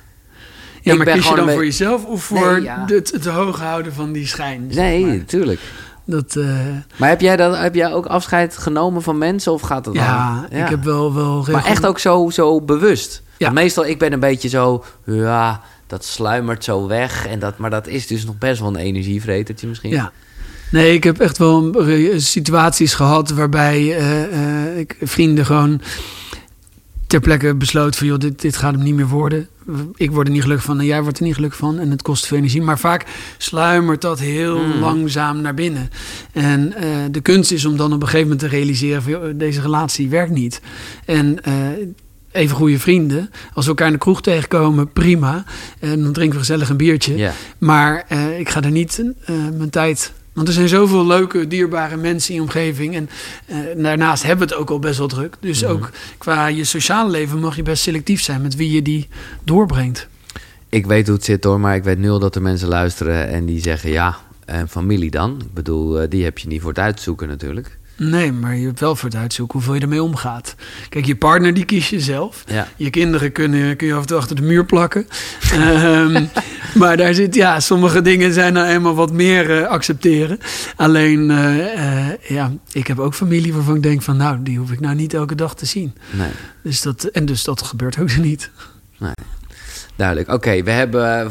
Ik, uh, ik, ik, ik, kreeg er bijna warm van. We hebben gewoon even. Maar ik vond het echt belangrijk, omdat ik het echt in deze stappen: future state, mindset, interne, externe energie, focus naar flow, recharge en nog even het laatste puzzelstukje. Ja, uh, top. Maar nu kunnen we gewoon even lullen. Ik, uh, ga, het, ik ga het nooit meer doen. nee, dat is niet waar. Maar ik vond het gewoon even. Ik wil het zo helder mogelijk ja, uitleggen. Of jou dat laten doen. Maar even als uh, mens, Hidde, uh, hoe ziet jouw ochtendritueel eruit? Ja, het is grappig, want ik wist natuurlijk dat ja. die vraag zou komen. dat is ja. Uh, mijn ochtendritueel bestaat meestal uit mijn zoontje die om een soort van onchristelijke tijd, om, nou voor jou dan niet, maar, nee, maar om zo kwart voor zes aan mijn bed verschijnt en zegt: Papa, zullen naar boven naar Bikkel? Dat is onze pub. Ja. Dus het is of Bikkel die me wakker maakt of, of Boet. Ja. Um, en dan gaat hij vaak eventjes tv kijken of iets en maakt boterham klaar en dingen. En dan kijk ik door mijn uh, agenda wat de punten zijn op mijn dag. En vaak gebruik ik dat moment om eventjes wat belangrijke dingen waarvan ik ze af wil krijgen, column schrijven of uh, uh, de, een stuk in het boek verder schrijven. Dus dat ik daar gewoon vol mijn focus op heb. Ja. Dus je begint wel echt de dag met de belangrijkste. Dingen, ja. zeg maar. Ja, ja. probeer dan ook mijn e-mail uit te, uit te laten. Ja. Dus ook wat ik altijd adviseer. En natuurlijk werkt dat ook bij mij niet altijd. Want in een onbewaakt moment denk je, oh ja, even kijken. Hmm. Um, en ik probeer mijn telefoon zo lang mogelijk uit te laten. Want daar, nou ja, we zeiden het net al, begint eigenlijk al ellende vaak. Um, maar het is nog niet het ochtendritueel. Je hebt natuurlijk eh, een aantal sprekers hier ja. gehad die echt over dat die ochtendroutine eh, eh, die ehm, adoreren, of hoe zeg je dat? Ja. tot, tot, eh, Gewoon kunsthebber even bijna. ja, maar ik ben zelf van mening dat vroeg opstaan is... eh, Ik heb er echt een bloedhekel aan. Nou, vind ik zeven uur vind ik een mooie tijd om Ja. op te staan. Dus kwart voor zes is bij mij al een, echt een uitdaging. Maar ik ben lekkerder in mijn vel gewoon zo in die ochtend... als de zon schijnt, als ik eh, Mm. eh, mijn momentum heb. Ik zei net al, ik werk in, eh, vaak in Scheveningen op het strand. De vrienden van mij, de Hard Beach, die, daar heb je een serre. En dan zit ik daar in mijn eentje aan een tafeltje... en dan kijk ik uit over zee. Lekker man. En daar heb ik mijn beste Ja. moment Tuurlijk. eigenlijk van de dag. Ja. En dat is voor mij echt een moment dat ik denk van ja, dit... Nog even een duikje in de zee qua koude douche? Of, ja, doen we ook regelmatig. Ja? ja, ja, Er zijn er genoeg die, die doen dat daar elke dag. Maar ik doe hem eh, drie keer per week of zo, Oh, geloof nou ik. Ja. En, eh, en dat moment dat je dan in die zee ligt en dan kijkt naar de kust en denkt van... Ah, en dan begint de dag pas, Ja. eigenlijk. En leuk. heb jij ook eh, een eh, avondroutine? Nou ja, jij zet dus je telefoon echt netjes uit, begrijp ik? Ik doe hem regelmatig. Zet ik hem op tijd uit. Heel goed. Nee, ja, ik, eh, wat ik zeg, het is met een boek, is het zeker met een boek schrijven, maar ook mijn eigen bedrijf, heb je gewoon heel vaak momenten dat je, dat je er niet aan toe komt. Maar wat voor mij de gouden recharge eigenlijk is, is het naar de sauna. Dus ik ga één keer per week vier, vijf uur of zo naar de sauna. Dat was dus de afgelopen Ik wil maand het zeggen, echt je, je zal het gemist killing. hebben. Ik heb het ook onwijs gemist hoor. Ja. het, eh, en dus sporten. En dat is daarnaast gewoon iets waar ik heel veel energie van krijg. ja. Ehm, en waar ik mijn hoofd echt leeg kan maken. Ja. Dus dat, dat zijn voor mij meer de punten. Ehm, de avond is nog wel eens eh, eh, on- onvoorspelbaar, zeg maar. Mijn zoontje gaat dan om acht uur naar bed. Dan hebben we al gegeten en dan kan ik in ieder geval nog even wat dingen afmaken die af moesten. En dan probeer ik inderdaad een uur voordat ik ga slapen wel lekker mijn boek in te duiken. Mhm. In plaats van eh, weer een eh, Netflix. En wat voor boeken zijn dat? Ik glijm er zo in, want ook jou heb ik gevraagd eh, welke Ja. drie boeken. Nou ja, voordat ik daar naartoe ga, want daar zit het antwoord misschien in verborgen, maar een wat grootse vraag. Maar ik ben wel benieuwd. Hoe, hoe spiritueel ben jij eigenlijk? Ehm, nou zeg ik ja en nee. In die zin, ik geloof, ik geloof in meer. Ik geloof ook dat er... ehm, eh, dat spiritualiteit is ook wel een onderdeel in dat opzicht van mijn leven. Alleen ik ben er niet continu mee bezig. En ehm, ik heb ook die zoektocht opgegeven van... nou, wat is er eh, eh, nog meer? Of waarvoor Ja, ja. bestaan wij? Ja. Ehm, wat dat betreft ben ik redelijk praktisch ingesteld. En ik probeer ook met alles wat ik doe. Eh, in ieder geval geloof ik heel erg in karma. Dus goed te doen. Eh, ja wie dan- goed doet, goed ontmoet. Ja. ja. En zolang ik het antwoord op die andere vraag nog niet heb, dan is dat voor mij de, de het beste uitgangspunt. En ik hoop daarin ook mensen te, te inspireren of te motiveren om ook op die manier ernaar te kijken. Eh er was vroeger natuurlijk de houvast van het geloof. Hè. We, we deden alles zoals Ja. de, de Bijbel of de Koran of eh, Ja. ons voorschreef. Ehm, dat is, valt steeds meer weg. Dus voor veel mensen wordt het een wat meer doelloos bestaan. Eh, dan is Instagram leading. Dus daar vertelt een influencer hoe je moet leven. Eh, nou, daar heb ik dan niet zo'n last van. Maar ehm, het is wel, ik geloof wel dat je een bepaald doel in je leven moet hebben. En omdat ik voor mezelf niet 100% overtuigd ben van wat, dat, wat er dan is voor hoger zijn. Ik zoiets van, nou, als, wat ik doe, laat ik daar dan in ieder geval goed voor doen voor eh, mijn omgeving en voor de aarde. Om te zorgen dat het dan in ieder geval een soort Ja. van tik in de box. eh, en daar voel ik me ook goed bij. Nou ja, als, Dus je, dat, als je eh, een miljoen mensen wil verbeteren, dan, Ja. dan zit daar wel ja, ja, mooie gedachten natuurlijk. Ja. Ehm, maar goed, dan ben ik helemaal benieuwd. Wat zijn drie boeken die jij hebt bedacht? En je, nou ja, je leest dus eh, zeer regelmatig, begrijp ik. eh, die jou geholpen hebben op, op de ontdekkingsreis. Op eh, nou ja, de, de Hidde de Vries die hier nu tegenover me zit. Ja, nou, ik zei ook, ik had ze gezocht, maar na een verhuizing zit ze ergens in Nee, de doos. ze hoeven, En je hoeft ze helemaal niet mee de te eerste wist ik sowieso van dat ik die niet had. Die zal ongetwijfeld ook al eh, vaak genoemd zijn, maar Eckhart Tolle, The Power of Now. Ja, Het mooiste aan dat boek vind ik dat het is niet een, een, een leesboek of iets, maar het is echt een mindset. En Ja. op het moment dat mensen dat boek hebben gelezen, Ja. dan zie je in hun hele aard, in hun hele zijn, een verandering. omdat je Eh, bewust bent van dat omdat stemmetje zich dat bewust- plaatsen. ja. ja, ja, ja. En dat vind ik echt fascinerend. En ik heb hem al, ik geloof, drie of vier keer gelezen. En wanneer las je hem voor het eerst, weet je dat nog? In welke fase zat je toen? Dat zal ergens eh, in 2008 of zo, ergens rond die periode. Dus dat was geweest zijn. bedrijf failliet. Dat was eh, toen dat bedrijf richting faillissement. Ja. Daarvoor nog. Nee, Ja, daarvoor ja, nog. was in Oh, een, eh, in een tijd dat we wel vooruit gingen. Het was ook niet dat het... Het kwam op mijn pad. En ik weet nog dat ik erin begonnen was. En toen dacht ik, jezus, dit is echt... Nou, dit uh, Nee, is heftige Nee, lectuur. Dat, Dat voor het niet. ego vooral. Dat zei waarschijnlijk het ego inderdaad. en, en toen toch bleef het me maar trekken. Ja. En ik zat ook heel erg te overwegen of ik die zou noemen of A Course in Miracles. Oh ja. Die heb ik namelijk liggen. Ik wil net zeggen, heb je maar... ik heb hem nog steeds nee, niet. nee, Nee, maar dat maar is dat is echt, naar mijn idee, dat is waar, voor degene die dat niet, maar het boek waar alle eh, meer spirituele eh, schrijvers uit putten en waar heel veel wijsheid uitkomt. Ehm, en op de een of andere manier heb ik die altijd, ligt die daar. Weerstand, de, hè? Ja, ik de weerstand wordt steeds hoger, Ja, zeg maar. ja, ja. Maar ik wil hem heel graag lezen en begrijpen, maar echt er de tijd voor nemen als Ja. een soort van retreat als het ware. Ja. Eh, me gewoon terugtrekken in een hutje op de hei. En, eh, en iedere keer komt dat boek weer naar boven. Ja. In het plastic nog. En, eh, dus ja, triggert mij ook weer als je het zegt. Ik heb het hier uitvoerig over gehad. Zeker met Willem Glaudemans. Check dat gesprek met ja, en ja, ja. Ik ben er toen wel aan begonnen. En Je ik had hem heb, vertaald, toch? Ja, hij, heeft, Ja, hij is een van de vertalers, ja, klopt. Ja. En, maar ik merk nu toch ook weer... Want het is namelijk wat jij zegt, dat, dat is bijna onmogelijk. Het is niet, echt, het is niet zo'n boek wat je uit kan lezen. Maar het Nee. zijn eigenlijk, zou je er gewoon een dagelijkse of een wekelijkse, weet ik veel wat, een soort practice van moeten maken. En dat ook echt tot je nemen en even laten landen. Nou, recharge zou ik maar zeggen. Ja. Eh, maar het, eh, het is bij mij ook eh, niet echt verder gekomen dan de eerste bladzijde. En het is ook bewust best ook ingewikkeld geschreven. Maar het is vooral, ja, toch ook weer het ego dat ermee aan de haal gaat. Ach, Ja. ik, eh, ik ga vandaag eh, erin doorlezen. Ja. Mooi dat je die toch even noemt. Maar goed, die zit, die zit er nog niet bij. Wat is eh, boek 2? Ehm, nou, ik, heb er, ik lees heel veel. Ehm, dus ik moest ook echt de onderscheid maken. Ja, Ik vond ehm, eh, Never Split the Difference. Ik dacht, ik zoek eens een boek wat, wat hier waarschijnlijk nog niet Nee, zijn zeker geweest.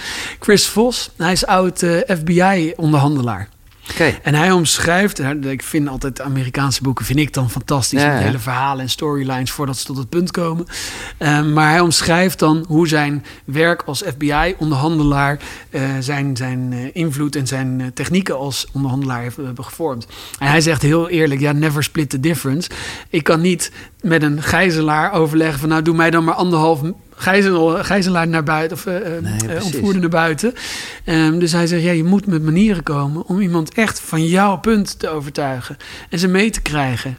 Of dat- niet? Of niet, maar dan heb je een probleem. Ja, dan heb je in dit geval een probleem. Maar ik bedoel te zeggen, dan, dan je, je, dus, dus fuck het compromis eigenlijk. Ja, er is geen compromis.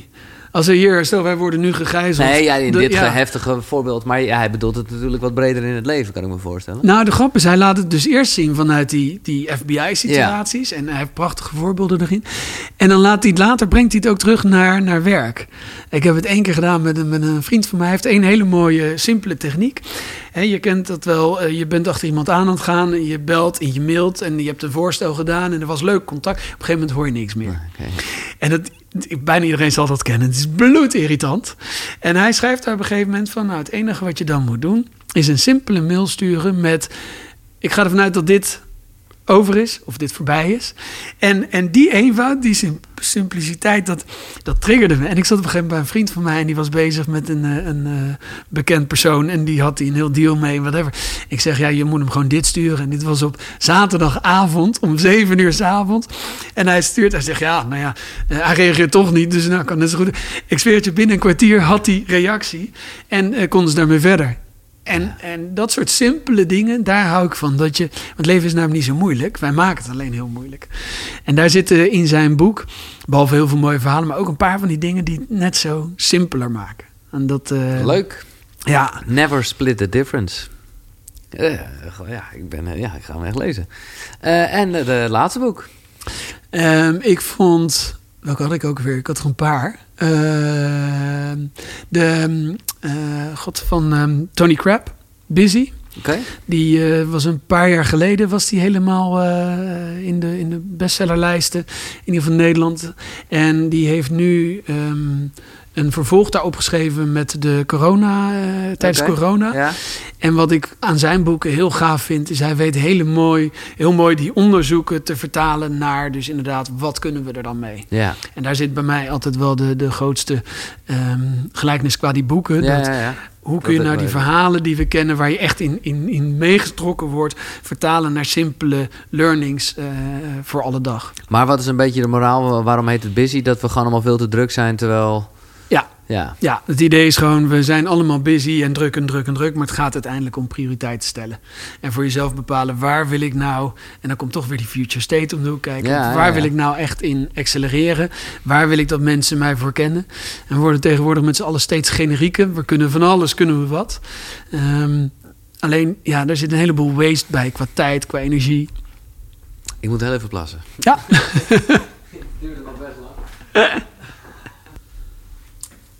En hij heeft daar dus een soort corona-update eh, bij geschreven, begrijp ik? Ja, hij heeft een nieuwe versie eh, met wel wat oude eh, theorieën en technieken die hij dan herhaalt. Maar het leest gewoon heerlijk weg. Ja. En ik vind sowieso managementboeken eh, eh, of ondernemerboeken of, Mhm. of verhalen van, van ondernemers. Ook biografie en zo. Biografieën Ja, en zo, nou, dat is echt heerlijk. Eh. Elon Musk was, en, en Steve Jobs en nou, al dat soort verhalen. Nee, dat vind ik het leuke. Leest, eh, Daar hebben we het helemaal niet over gehad. Maar in jouw boek heb je ook heel veel nou ja, bronnen natuurlijk gebruikt. Maar ook gewoon tips, ook voor filmpjes. En dat is echt Ja, vind- Ja. ja. heel fijn. Maar hoe kijk jij dan naar corona? Want je zou ook, als je het even heel positief bekijkt... is het eh, gewoon een nationale, wat zeg ik, mondiale recharge tijd. ja, ja. Zo zie ik het. Ja? ook wel. Even daar gelaten, natuurlijk alle horeca en evenementen. Nee, iedereen die er. Maar ik heb ook, ik had een tijdje terug een column geschreven over eh, eh, niet kwagen, maar kwispelen. Ja, jij schrijft columns voor RTL Z, onder Ja. andere. eh, En, eh, en daar werd heel leuk, tenminste op LinkedIn werd er heel leuk op gereageerd. Een Ja. vriend van mij die stuurde, joh, je bent trending op, op Twitter. En daar ging het, begon het met, oh, jij bent echt die, die gozer die ik altijd heb vermeden. En iemand die zingend de, de gordijnen open doet 's ochtends. Tot, nou, hij moet bij de marine kopen, dan ma- komen, dan maken we een kopje kleiner. Ja, Hij zal wel een Tesla rijden, hij moet dood. Nou, de, oh, God, Ehm, maar een gegeven moment belt eh, Gerben mij. Gerben heeft een eventorganisatie. En ik denk, oh shit, dit gaat natuurlijk verkeerd. Niet kwispelen, niet klagen, maar kwispelen. Die is niet geamuseerd. En ik krijg de lijn en hij zegt... eh, Hit, geweldige column, wat goed. En ik zeg, eindelijk iemand die zegt waar het op staat. Dus ik denk, nou ja, jij zit toch in evenementen? Ja. Heb ik iets gemist? Hij zegt, ja, maar wij zijn gewoon vrij snel al hebben een pas op de plaats gemaakt. En we hadden het geluk dat we konden kijken naar andere oplossingen. En we hebben een online platform, ja, eh, techniek... eh, ehm, gevonden. En daarmee doen we nu waanzinnige ja, eh, digitale events voor Ja. grote corporates. Hij zegt, als we door waren gegaan, hadden we dat nooit gevonden. Maar we hebben echt die pas op de plaats genomen. En we zijn gestopt met klagen vrij snel. En daardoor konden we die, die groei, die doorschuiven. En als je vraagt dan inderdaad, corona voor mij, ja, de grote recharge. Ik denk dat de maatschappij is eh, in een soort van, van freeze gekomen, letterlijk. We moesten allemaal thuis blijven. Ja. Dus het heeft voor de maatschappij die steeds extraverter wordt... een hele grote pauzeknop ingedrukt. Dus mensen die van origine wat meer introvert zijn... die konden tot rust komen. Ehm, en nu zullen we moeten gaan zoeken naar een middenweg... eh, waarmee we dus met z'n allen weer door kunnen. En ja, wat dat betreft... eh, denk ik dat het eh, wel, wel goed heeft gedaan Ja. aan, aan Ja. velen, laat ik het zo zeggen. Ja, mooi hoor. Eh, wat heb jij zelf, want je, je, je- we hebben wel wat stukjes uit jouw leven gelicht. Maar jij hebt dus ook veel gedaan als het gaat om cursussen, eh, ja, ja, retreats, allemaal dingen geprobeerd. Wat, wat, ja, wat- noem eens dingen die je gedaan hebt. Eh, nee, de bekendste Tony Robbins natuurlijk. eh, in, eh, toevallig met Mark Tichelaar. Oké. Ehm, en ehm, eh, Michael Pilagic zat erbij. Nou, een heel clubje. Was erg leuk. Die, ik, wilde, ik had eerst altijd zoiets, ja, grote gillende Amerikanen. Moet ik daar nou heen? Maar Mark wist mij te overtuigen. En die zei van, joh, ga mee. En we hebben daar inderdaad vier dagen onze ogen uitgekeken. Vond niet alles even goed. Maar ik vond de manier waarop die, die mensen weten te inspireren. En die, die Ja. sfeer. En nou ja, goed. Maar wat vond je dan bijvoorbeeld niet zo goed? Of waarvan denk je van, nou, dat nou, raakt mij er zit mee? heel veel Amerikaanse accenten in. En je hebt op een gegeven moment, geloof ik, zijn, eh, zijn eh, eh, Rodi die vertelt van... nou, ik was niks en nu rijd ik in een Ferrari en ik doe wat ik wil. Zo dacht van, nou, Dream. dat was een mooi moment om pauze te nemen voor ons om een broodje te halen. Ehm, wat ik nog beter vond, was Landmark. Dat is... Ah, ja, ehm, over gehoord, ja. Wordt vaak als soort van secte afgedaan, maar heeft eenzelfde strekking. Iets minder mensen, ik geloof eh, 200 mensen in een eh, zaal, één trainer. En dan komen telkens mensen dingen delen aan de microfoon. Ehm, ja, daar heb ik waanzinnige dingen eh, meegemaakt qua, qua breakthroughs bij mensen. En ik omschrijf er ook eentje in, in mijn boek. Van een meisje die, die misbruikt wordt in de jeugd. Ja. En dat daar ter plekke doorbreekt. Omdat eigenlijk de, de, een vragensteller heel relaxed, of althans, dat, zo voelt dat voor de mensen in de zaal, vragen gaat stellen van en wanneer was dat dan? En, Ja, en dat je ja. echt denkt van hé, hey, wees even empathisch. Ja, Maar dat was juist om Dat- het even ja. eh, te breken. Ja, en, en het verschil tussen feit en fabel en wat dat met je leven kan doen. Ja, dat was waanzinnig. En er zaten ehm, ook, daar was het zo van, nou, je moet nu allemaal mensen gaan ronselen om ook eh, landmark te gaan doen. Ja, ja. Ehm, en ik begrijp die geda- dat gedachtegoed er wel van. Want op het moment dat jij iets doet en je bent er enthousiast van, Ja. zijn wij geneigd, jij- het ego, om het dan maar, nou, maar dan, hè, ik ga vooral niet mensen dat overtuigen. Nee. Nou, jij doet het iets subtieler dan. Ik weet niet hoe heftig dit was, dat, dat wat jij. eh, maar ik heb inderdaad wel eens dingen over gehoord dat het wel. Nou ja, bijna tegen de piramideachtige vibe aanzat. Of heb jij het nooit zo ervaren? Ook piramide? Nou, zo'n piramidesysteem zo van. Oh, zo ja, van je moet, moet, nou, Ja. nee, ik niet, want ik wist in die zin gewoon van ja, dit hoort bij het, bij het programma. Ja, En ik ben er enthousiast over, dus ik, ik adviseer nog steeds Ja, mensen van joh, ga dat echt doen, Nee, want het, is, het is echt een meerwaarde. Maar wel de mensen waarvan ik denk dat het ook een meerwaarde is. Ik heb ook wel eens mensen die me geven, dus ik denk van die zijn net iets te labiel. zou je het mij aanraden? Ja, Ja? ja, ja, ja, absoluut. Oh, God, ja. ik heb weer leuk iets nieuws in mijn Ja. Oké, top. Nee, absoluut. Het, eh, absoluut zelfs. Ja, ik vond het mooie dat je ziet... Bij Tony zie je bepaalde dingen, Tony Robbins. Bij Landmark zie je dan dingen. En uiteindelijk, wat ik al eerder zei... er zijn heel veel dingen zijn al bekend. Het wordt alleen door iedereen anders vertaald. En ik vond de manier waarop ze dat bij Landmark deden... vond ik wel echt fenomenaal. Hmm. Je hebt ook Essence, die ken ik dan zelf niet. Maar ik hoor wel van mensen die het allebei hebben gedaan... dat het nagenoeg gelijk is, zeg maar. ja. Ehm, Vipassana Retreat hebben Ja. we toch gedaan. Ik ben bij... eh, hoe was dat? Want het, ik moet zeggen, het is gewoon eh, druk eh, op die markt. Want ik wil dat heel graag binnenkort doen. Maar ja, je moet maar ingelood worden. Zo is het tegenwoordig. Oh, is dat zo? Ja, het is echt een ding. Oh ja, nee, ik heb het in Thailand toen gedaan, in, eh, boven Chiang Mai. En daar kwam je gewoon aan eh, op een maandagochtend. En dan kreeg je een wit gewaad, of een rood gewaad, Ja. geloof ik. En een, eh, een plank, dat was in je kamer, dat was je bed. Ja. En een heel klein, heel klein soort van kussentje. En je moest ook op je rug slapen. Nou, ik, ik sliep altijd op mijn buik, dus dat was even ehm, op je rug slapen, want anders slaapt het voor geen meter. En om, s ochtends om vijf uur beginnen. En dan om zes of vier uur moest je eigenlijk beginnen. Maar ik zei al, ik ben niet zo'n held ochtends. dus ik begon om vijf uur. Om zes uur ontbijt. En om half twaalf lunch. En ik had maar voor de zekerheid gezegd dat ik veganist was. Dus dat ik geen eh, whatever vlees eh, eh, had. Want dat vond ik allemaal een beetje scary daar. Maar ehm de grootste angst had ik eigenlijk voor dat niet eten s'avonds. Ik denk, ja, ik hou gewoon van eten. Ja. En dat viel reuze mee. Ja, want je verbrandt ook niet zoveel. Het enige wat ik dus wel daar heel erg heb gezien is dat je had dan een klein winkeltje en daar kon je dan spijbelen, dan kon je snoepjes kopen of, of chipjes of whatever. Maar ik, kocht, ik haalde er dan een, een zakje thee en dan zat ik op mijn kamer en dan had ik die warme kop dampend water en dan deed ik dat zakje daarin en dan, nou, dat was alsof je een fles champagne voor jezelf. Thee met smaak. Ja. En nou ja, dat was echt geweldig. Maar wat, ehm, wat heeft het je voor een inzicht gegeven? Nou, het heeft mij voornamelijk heel erg veel rust gegeven en me weer bij mezelf gebracht. En dat besef alleen al van dat kopje thee, dat was voor mij echt een synoniem van, joh, je hebt Ja. helemaal niet zoveel nodig. Nee. Het gaat alleen maar om waar je het mee aankleedt. En ehm, eh, ik merkte daar op een gegeven moment dat eh, je moest begon dan met zes uur mediteren op een dag, een half uur lopen, een half uur zitten, een half uur, nou ja, tot je zes uur had gevuld. En op een gegeven moment was je twaalf uur per dag bezig. Nou, dan was je gewoon echt druk Ja. Met niks doen. En als ik dat dan vergelijk met het leven waar we hier in leven, dan zijn we ook de hele dag druk. En Ja. ook heel vaak eigenlijk met niets doen. Ja. Met dingen die er niet toe doen, laat ik het zo zeggen. En dat heeft me wel heel erg teruggebracht in het hier en nu. Maar ook daar is het van belang dat je het wel blijft doen. Het moet onderdeel blijven van je eh, systeem. Nou, ja, het doet me denken aan eh, iets wat jij ook eh, nog beschrijft. Moet ik dit nu doen? Ja, En ik zeg het expres even zo staccato, omdat je eigenlijk dus bij elk woord moet nadenken. ja. Dus hoe Ja. werkt het? Nou ja, eh, eh, podcast moet ik dit nu doen? Moet. Ja, te gek. Zin in. Eh, dit podcast. Ja, we kunnen ook buiten lopen, maar dan is het voor de luisteraar wat, Ja. wat lastiger. Ehm, moet, ik, moet ik het doen? Ja, ik zal het toch echt zelf moeten doen. Ja. Dit nu. Nu is het moment, dus ja, pak dat moment en doen. eh, eh, moet ik het echt, moet ik ermee in aan de slag? Moet ik, eh, zijn er handelingen die ik daarvoor moet doen? Ja. Dus ja. Maar er zijn heel vaak momenten dat ik denk, moet ik dit nu doen? En, En, dat, dat, is iets aan die meetlat... nou, dan kijk je naar je mail. niet. En alleen al die realisatie van die mail. En dan denk ik, moet ik dit nu doen? Weer zo'n mailtje waar je op wil antwoorden. Of een mailtje, vaak zijn het mailtjes waarvan je denkt... oh, ik kan wel even snel antwoorden en dan is die weg. Maar dat kost ook weer tijd. En er komt weer een reactie op. En Ja. dus die moet ik dit nu doen...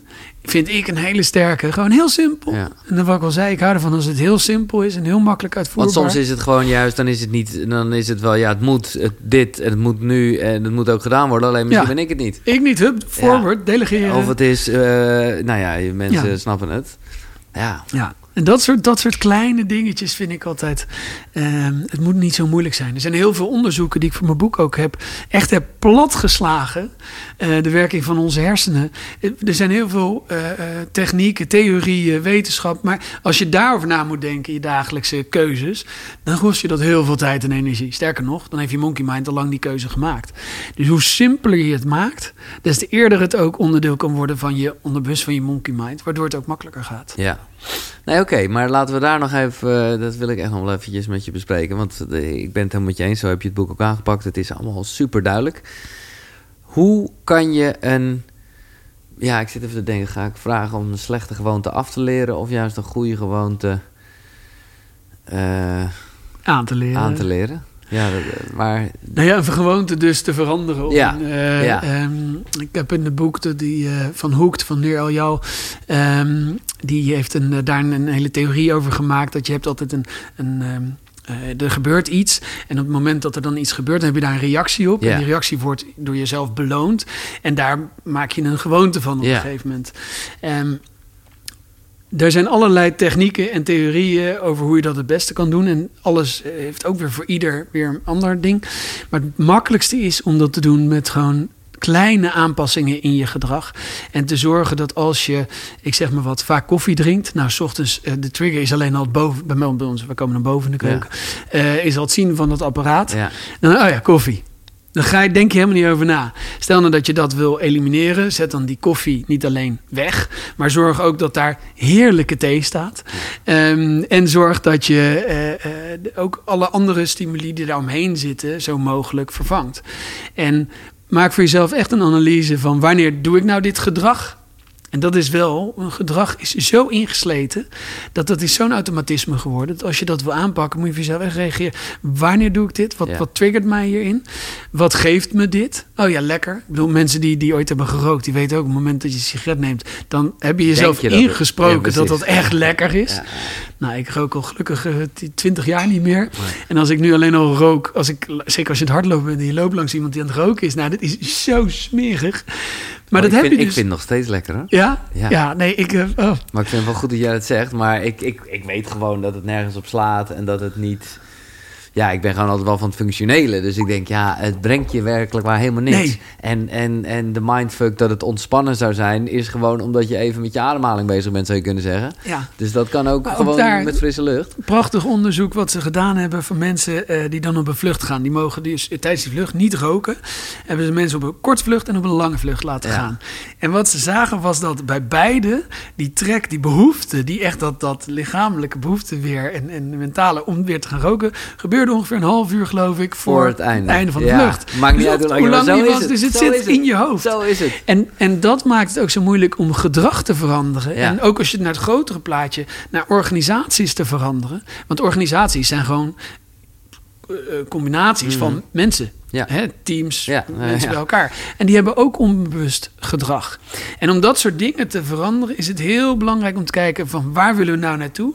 Waarom is dat belangrijk? En wat gaat mij dan daarbij helpen? En als ik er voor mezelf achter kom dat dus een wandeling mij productiever maakt en daardoor dus sneller naar die 1 miljoen mensen kan komen of Ja. mijn hoofd helderder Ja. heb om erachter te komen wat nou mensen hun leven echt verbetert, ja, dan wordt het op een gegeven moment een logischer ding om dat te gaan doen. Ja. Dan wordt dat echt een. eh, Dan zijn we weer bij de future state eigenlijk, ja. Ja. Nou, wat ik nog wel even wil noemen eh, is waar we het net over hadden. Toen zeg je inderdaad terecht, eh, trigger elimineren. De behoefte anders invullen, hè? dus de, Ja. de, de thee neerzetten. Eh, verander de actie of reactie. Ja. Maar ook vooral, en die vond ik dat ik dacht van... oh ja, dat is heel belangrijk. Beloon jezelf. Ja, ja. En dat is, voelt nog wel eens een beetje als... Ja, hè, dat mensen die gestopt zijn met roken dan heel veel gaan snoepen. Dat is natuurlijk niet echt jezelf belonen. Nee en ja. Ja, het hangt er een beetje vanaf. Want je kan wel zeggen van... Kijk, stoppen met snoepen is makkelijker dan stoppen met roken. Ja, Dus, eh, als je ja, ja. de- de- Ja. Alleen, zoek dan een snoepje wat je lekker vindt... wat misschien wat minder schadelijk is. Hè? Maar het jezelf belonen, jezelf inderdaad dat moment even nemen van... "Fuck, dat heb ik echt best wel goed gedaan. ja. En dat blijven. En dan ook echt zien van... hé, hey, maar ik ga me fitter voelen. Want dat belonen kan natuurlijk in een snoepje zitten. Maar het Mhm. kan ook zijn dat je eh, voor jezelf echt... nou, dan hebben we het weer over dat voelen. Voor jezelf voelt, hé, hey, ik voel me fitter. ja. En wat, nou, dat was bij Google. Alles moest gemeten worden. En, in, en dat heb ik wel een beetje overgenomen. Google Analytics. Google Analytics. eh.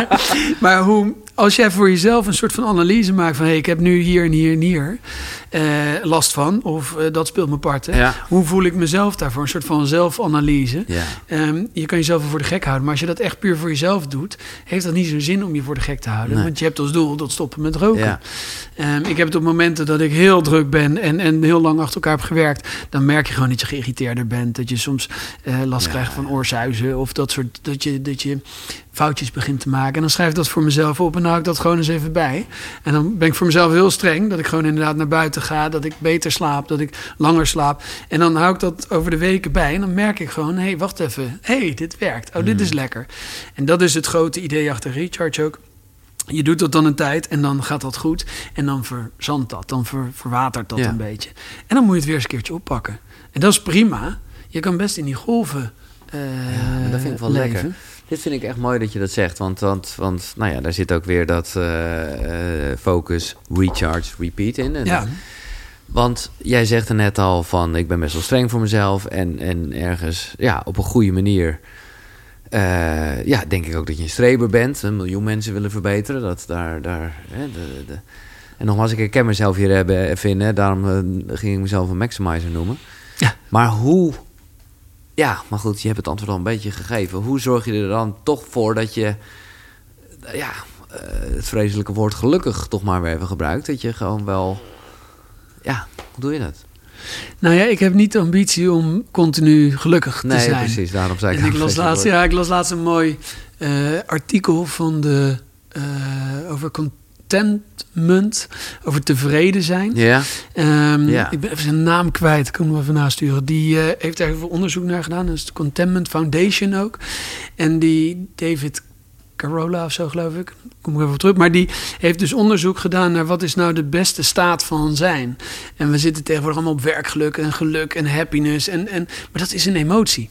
Dus dat komt en dat gaat. ja, En het enige wat je continu zeg maar kan zijn, is tevreden. ja. Dat je goed in je vel zit, dat je, eh, dat je dat nastreeft. En dat is puur intrinsiek. Dat, veel van onze doelen zijn extrinsiek. Die zijn, die zijn nou, als ik dan een honderdduizend Ja, miljoen nee, mensen binnenhaal, dan Ja. pas ben ik gelukkig. Maar je kan dus ook, en dat realiseerde ik, vertelde ik al eerder, van die, eh, eh, die sollicitaties bij Google, dat hele traject om naar binnen te komen. Ja, dat was de grootste lol, want we echt daarvoor gaan.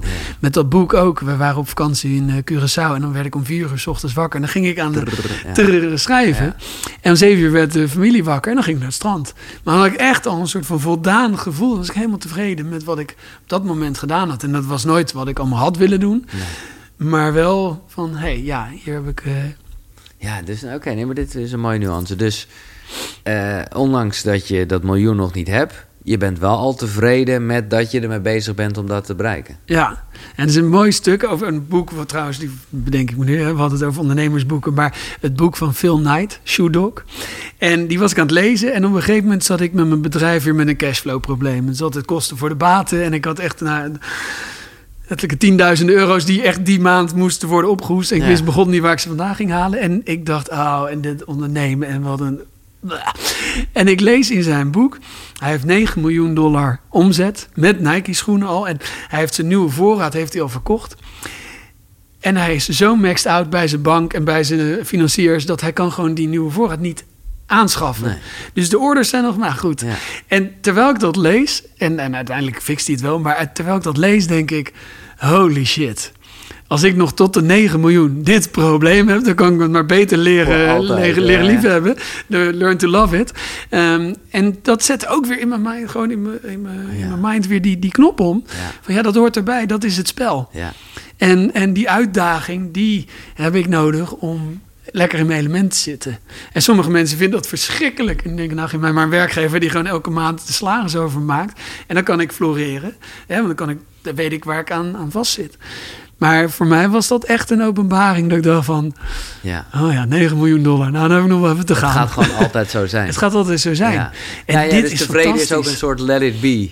Eigenlijk. Ja, ja. En ik heb daar het ding in van, kun je daar iets aan veranderen? Het, eh, het eh, model van eh, de eh, oude Hewlett Packard eh, ehm, Ja. ingenieur die Ja. dan monnik wordt.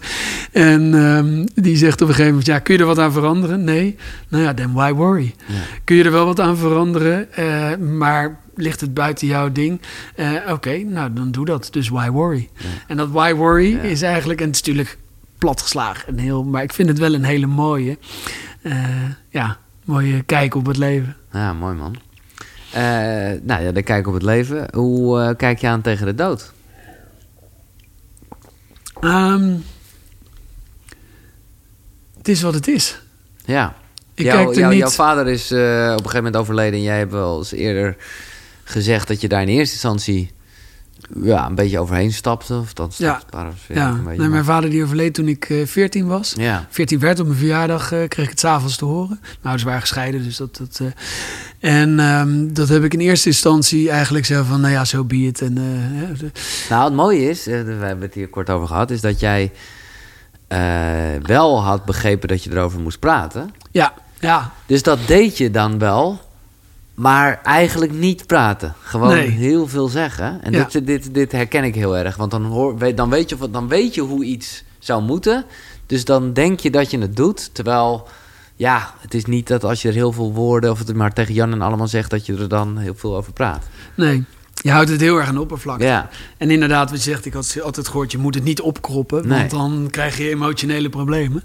Ehm, dus ik had het ook inderdaad verteld dat aan iedereen niet wilde horen en, en eh, had daar verder in eerste instantie niet zo moeite mee. Totdat ik op een gegeven moment een paar momenten in mijn leven, die ik nog gewoon heel goed herinner, de realisatie krijg van, oh ja, hij is overleden en hij komt ook nooit meer terug.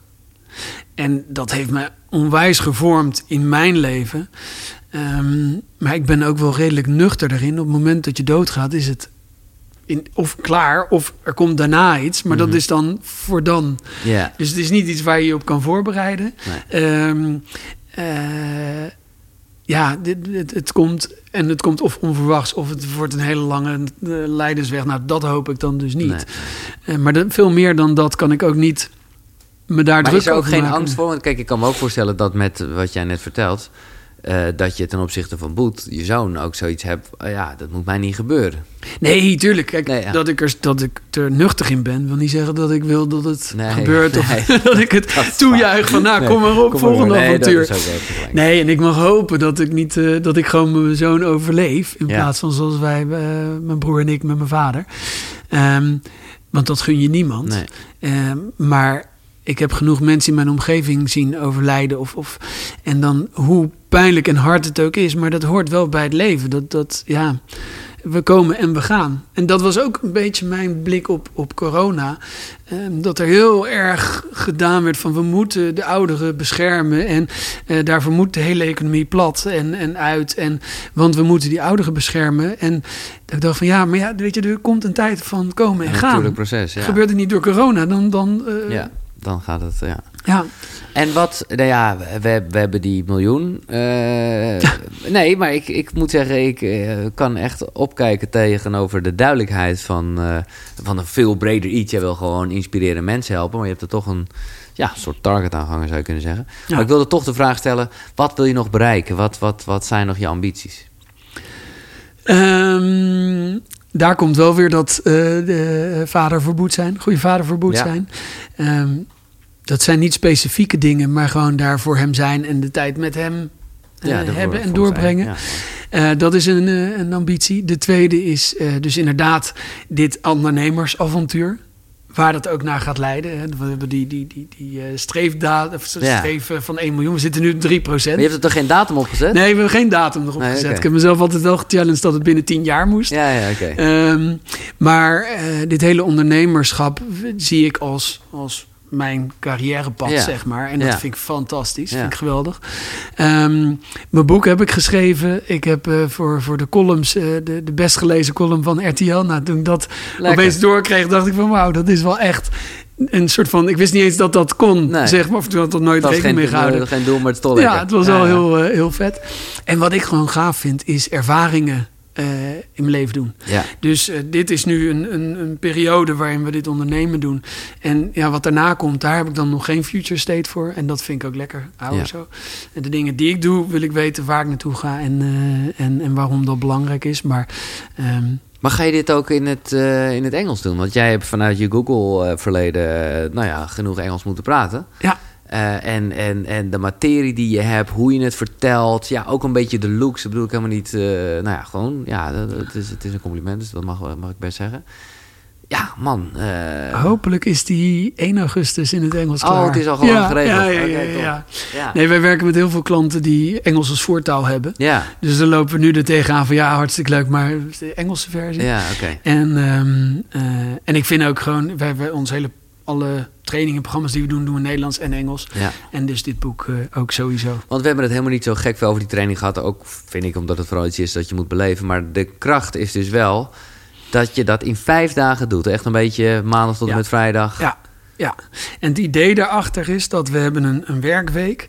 En op het moment dat je iets wil veranderen in je werkweek, in je, in je leven, dan is die werkweek is heel erg definiërend voor hoe jij je leven leidt. Ja. Want werk geeft structuur, werk geeft, een- nou ja, gaf Ja. een sociale omgeving, eh, maar ook verleidingen, uitdagingen, daar kom je zelf continu tegen. En ehm, we hadden eerst, vroeger was het de, de zeven dagen, de Stress Detox Week, toen werd het seven day recharge. Precies. Alleen het, eh, in het bedrijfsleven gewoon vijf dagen. En je merkt dat veel mensen eh, afhaken op het moment dat ze dan hun weekend moeten opgeven. Dus wij zeggen ook op donderdagochtend van met wie ga jij morgen vieren dat je vijf dagen aan je well-being hebt gewerkt. En of je dat dan doet met een kop thee of met een glas wijn, dat moet je lekker zelf bepalen. Maar het geeft je echt in vijf dagen is kort genoeg om mensen te enthousiasmeren om te zeggen ja dat wil ik proberen. doorzetten. Ja. Eh, en lang genoeg om verschil te maken. Om echt voor jezelf te merken. En we hebben vaak genoeg kritische mensen die zeggen: Ja, ik het programma gedaan. En eh, ik zeg: Maar wat vind je dan het beste? Ja, dat, nou, dat, dat koud afdouchen. Daar zag ik wel heel erg tegenop hoor. Nou, dat doe ik nog wel. Want dat vind ik echt wel. Een, eh, dat geeft me zoveel energie. En dan hoor je ze opeens stralen. En dan denk je: Ja, maar wacht even. Je zei toch net dat je er niks aan vond? maar er is altijd wel iets. Er is altijd Ja, iets. En als je dingen wilt doorbreken, dan moet je altijd even door de, door de pijn heen. Alleen dat hebben we dus geprobeerd zo mooi mogelijk. En, en, en met gamification en ehm, eh, door een leuke manier in te pakken. Ja. Zodat het ook op een, een, een ja, dat het kan. Dat je er doorheen kan en dat het oké is. En, eh, Ja, ik ben blij dat je, want ik- kijk, nogmaals, dat is gewoon, eh, zo begon ook mee heel erg het bedrijfsleven, wat goed is. Maar nu hiermee, dus een begin in ieder geval, met het boek is het ook gewoon Ja. voor mij als, nee, ik wil niet zeggen dat ik geen werk heb. Ja, nee, ik heb geen werk. Nee. Nou, dit is ook een, voor, is een hele leuke hobby waar je werk van gemaakt nee, hebt. Ja, precies. Het, eh, ja, zo is het. Zo is het. Oké, eh, maar ik was al eigenlijk richting het einde. Eh, ik wil nog vooral even weten, hoe wil je herinnerd worden? Hoe wil ik herinnerd worden? Ehm, eh, Los van die lieve vader, die, eh die Ja, nee, dat is superbelangrijk. voor Boet. eh, Ja. daar hoeft de rest me niet voor te herinneren. Nee. Nee, hoe wil ik herinnerd worden? In ieder geval als een energiek, enthousiast iemand... die toch op zijn manier een klein verschil heeft gemaakt hier in zijn omgeving. Nou, lekker bezig, Ridder. Ja, top. Onwijs bedankt voor je tijd en eh, inspiratie. Eh, work smart, play smart. Ik, eh, ik vond het, ik, ja, je hebt mij eerder gevraagd het boek te lezen dan het uit was. Ja, En dat was een genoegen. En ik, ja, het is, het is echt een aanrader. Het is allemaal zo duidelijk. Ik hoop dat, ja, als je zit te luisteren, dat dit ook zo'n duidelijk gesprek was. En laat het vooral weten onder in de reacties. En eh, ga naar de website voor meer informatie. Dat is Koekeroe. Daar is je over koud douchen gesproken. Wim Hof. Koekeroe.nl. Dus K-U-K-U-R-U.nl. Waar je al die andere afleveringen ook gaat zien. Eh, abonneer, subscribe, doe iets eh, met je leven. En geniet vooral. Graag tot de volgende. Zonnegroet. Hoi.